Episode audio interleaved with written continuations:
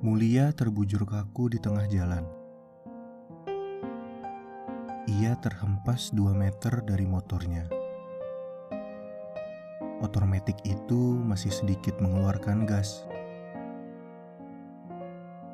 Tapi Mulia sudah tidak bernafas.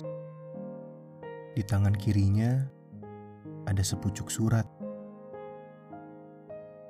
Jelasnya selembar kertas kucal yang dilipat empat dengan goresan hati tinta hitam samar di bagian depan.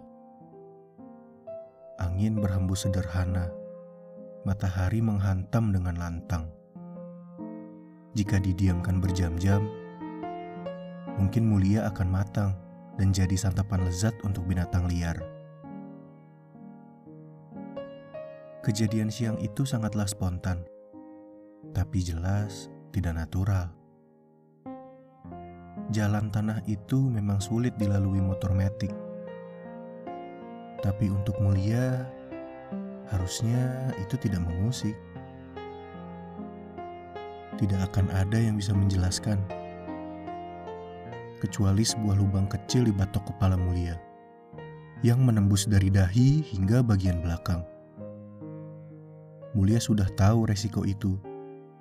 Tapi ia tetap kekeh mau berangkat ke kantor pos dan menyampaikan surat cintanya kepada bos. Sebuah kisah masyarakat di tengah bukit yang hidupnya hanya kenal pahit. Sudah dijamin, sumpah demi apa pun. Mulia pasti mati penasaran. Sepucuk surat cinta gagal ia sampaikan Sepucuk surat cinta untuk kemanusiaan ia genggam sangat erat dengan tubuh pucat dan jantung tak berdetak.